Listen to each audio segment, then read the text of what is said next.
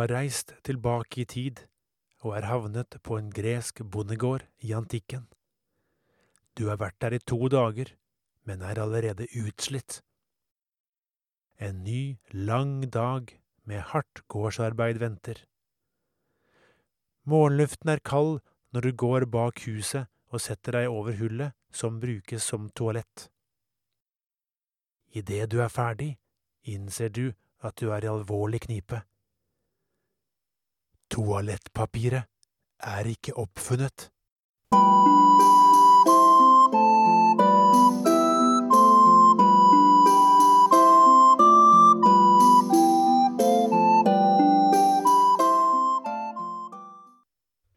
Velkommen til Helter og legender fra antikken, en podkast for unge. Episode fem Historien om Ekko, og vi reiser tilbake i tid. I forrige episode hørte vi om Saus voldsomme basketak med uhyret Tyfon og legenden om Minotaurus, Ariadne og Tesevs. I denne episoden skal du finne ut hvordan det var å leve i antikkens Hellas. Vi skal rett og slett reise tilbake i tid. Du skal også få vite at du, ja antagelig uten å vite det, av og til bruker greske ord når du snakker. Du har kanskje hørt om ekko? Ekko, ekko, ekko. Ekko er den lydeffekten du hører når du roper inn mot en fjellvegg når du står litt på avstand. Lyden kastes tilbake og gjentas igjen og igjen, men svakere og svakere.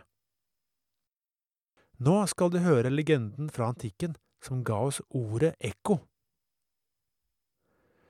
Som du har hørt, var Saus, sjefen over alle guder, svært glad i damer. Hvis han fikk øye på en skjønn kvinne nede på jorden, kunne han godt finne på å oppsøke henne og flørte med henne. En gang holdt han øye med en gruppe vakre unge kvinner som holdt til oppe i fjellene. De ble kalt nymfer. En av nymfene het Ekko. Hun er svært snakkesalig og temmelig glad i å høre sin egen stemme. Saus stiger ned til nymfene både titt og ofte for å flørte og bli kjæreste med dem. Kona til Saus, gudinnen Hera, blir etter hvert mistenksom og sjalu. Hun skjønner at ektemannen driver med noe muffens bak hennes rygg, så hun drar ned til jorda for å undersøke saken nærmere. Hun kommer snart i snakk med Ekko, som prater og prater og prater.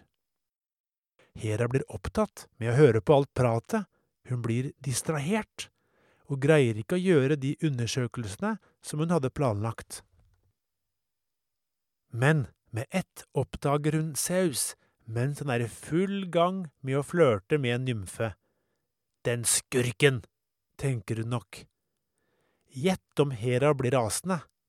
Men istedenfor å konfrontere mannen sin, vender hun raseriet mot stakkars Ekko, som hun mener har avledet henne med vilje, slik at Saus kunne holde på med flørtingen helt uforstyrret.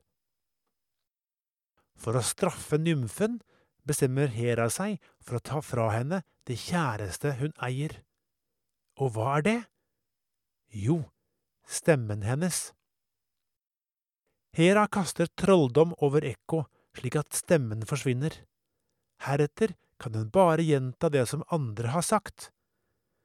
For resten av sitt liv er Ekko dømt til å tåpelig repetere ordene til andre talere, igjen og igjen og igjen. Ordet ekko kommer altså fra en stakkars nymfe som ble utsatt for gudinnen Heras vrede. Det var legenden om ekko, og dette beviser at du kan litt gresk for ekko er et ord du kjenner til. Det finnes mange andre eksempler også. Vi har til nå snakket om greske guder og fortalt legender hvor gudene spiller viktige roller. Det blir flere etter hvert. Men akkurat nå skal vi komme ned på landjorden å finne ut mer om menneskene som bodde i antikken. Hvordan levde de egentlig, og hva er forskjellig fra i dag? Forestill deg at du kan reise tilbake i tid ca. 2400 år, til år 400 før Kristus, og at du plutselig befinner deg i en gresk by. Hva ville du se? Det første du merker, er de helt opplagte ting. Det fins ikke biler, tog eller sykler, ikke TV, telefoner og andre moderne ting. Skal du komme deg fra den ene kanten av byen til den andre, må du gå på beina, eller hvis du eier en hest, kan du ri. Når sola går ned om kvelden, er det mørkt ute, gatelys finnes ikke, og innendørs bruker de levende lys. Du vil fort se at klærne er veldig forskjellige. De fleste menneskene, både barn og voksne, har på seg svære tøystykker som er festet med belte eller en brosje. Disse klærne kalles tunika og kunne være laget av ull. Bukser bruker de ikke. Sko var heller ikke vanlig. De fleste går barbeint eller med sandaler.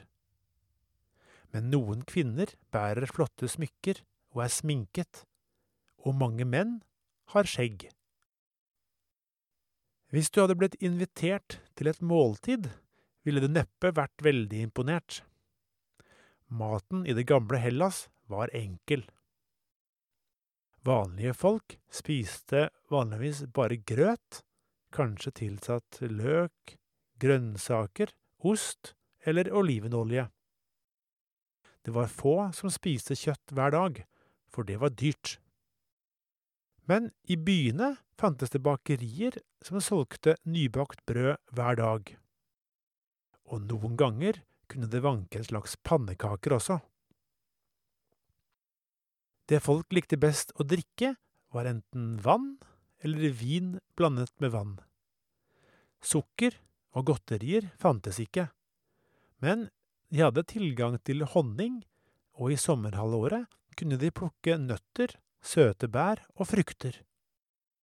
De som bodde i nærheten av sjøen, kunne skaffe seg fisk og spiselige skjell. Du ville oppdage at husene de bodde i, var enkle. De var som regel laget av stein eller leire, og kunne nok bli ganske kalde om vinteren. Varm mat ble laget over et ildsted inne, eller utenfor huset. Det var ikke vanlig at barn og unge hadde eget rom, de måtte nok dele værelse med andre familiemedlemmer. Du vil også se at menn og kvinner brukte ulike deler av huset. Dette var fordi menn og kvinner ofte hadde helt forskjellige oppgaver. En ting til om husene. Et varmt, komfortabelt bad med hvitt porselenstoalett slik vi har i dag, og varmekabler i gulvet, kunne du bare glemme. Toalettene i det gamle Hellas var mer av typen utedo, og i noen byer fantes det en slags toalettbenker med mange hull i, hvor man kunne sitte sammen med andre. En felles do. I dag høres dette ganske ille ut, men eh, det var verre enn som så, for hvis du faktisk måtte på do, hadde du fort merket at toalettpapiret ikke var oppfunnet. Au da! Det man brukte istedenfor dopapir på den tiden, var en svamp dyppet i vann eller en slags kjepp for å tørke av seg der du vet. De fleste vanlige mennesker var bønder. De dyrket jorda. Dette var ofte et hardt liv, hvor man sto opp ved soloppgang, jobbet hardt hele dagen og la seg når sola gikk ned. Det var mange ting å gjøre. Jorder skulle pløyes, husdyr skulle fôres, ved skulle hogges. Barna måtte hjelpe til med gårdsarbeidet fra de var små. Mange barn døde da de var unge, for det fantes ikke profesjonelle leger og gode medisiner slik de gjør nå. Flere sykdommer som vi lett kan kurere i dag, var dødelige i antikken. Også blant voksne var det større sjanse for å dø i ung alder. Et lite sår kunne for eksempel bli infisert og fylt av verk. Hvis en ikke klarte å stoppe infeksjonen, kunne en til slutt dø av det. Og de som dro i krig, kunne jo bli drept på slagmarken. Ute på landet var det korn som var vanligst å dyrke. De dyrket også grønnsaker, oliven, for å lage matolje, og druer. Husk at dette var lenge siden. De gamle grekerne hadde ikke ris, poteter, gulrøtter, tomater, appelsiner og bananer. Alt dette kom mye senere. Men de hadde husdyr, som geiter, sauer, høner og kyr. Fra disse fikk de kjøtt, melk, egg, skinn og andre nyttige ting. Ute i villmarka fantes det ekte løver i Hellas på denne tiden. Men etter hvert ble alle løvene utryddet av menneskene, kanskje fordi løvene spiste husdyra. Nå har du fått en idé om hvordan det var å leve som vanlig innbygger i antikkens Hellas. Hvis du derimot var av kongelig familie, hadde du nok hatt det ganske mye bedre. Bedre mat hadde du fått, og kanskje mer spennende ting å finne på. Det skal vi høre mer om når vi kommer til Alexander den store i en senere episode. Selv om livet for vanlige folk kunne være hardt, var det noen som hadde det enda verre. Og det var slavene. En slave er et menneske som er eid av et annet menneske. Slaveeieren bestemmer alt, og kan for eksempel selge slaven sin til andre hvis han ønsker det. Slavehold og slavehandel var veldig vanlig i antikken. Både barn, unge, voksne og gamle kunne være slaver. Noen av slavene ble nok behandlet ganske bra, og i visse tilfeller var det mulig for en slave å kjøpe seg fri. Men mange av dem ble behandlet dårlig, for eksempel slavene som måtte ro svære krigsskip, og de som måtte utføre hardt og farlig arbeid i gruver for å hente ut sølv og jern og andre metaller. Mange av disse hadde nok et hardt og vondt liv og døde tidlig.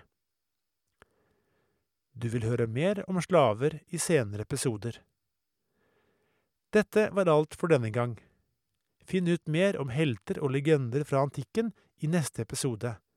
Vi skal da høre om superhelten Herakles, og hvordan han nedla et rasende villdyr.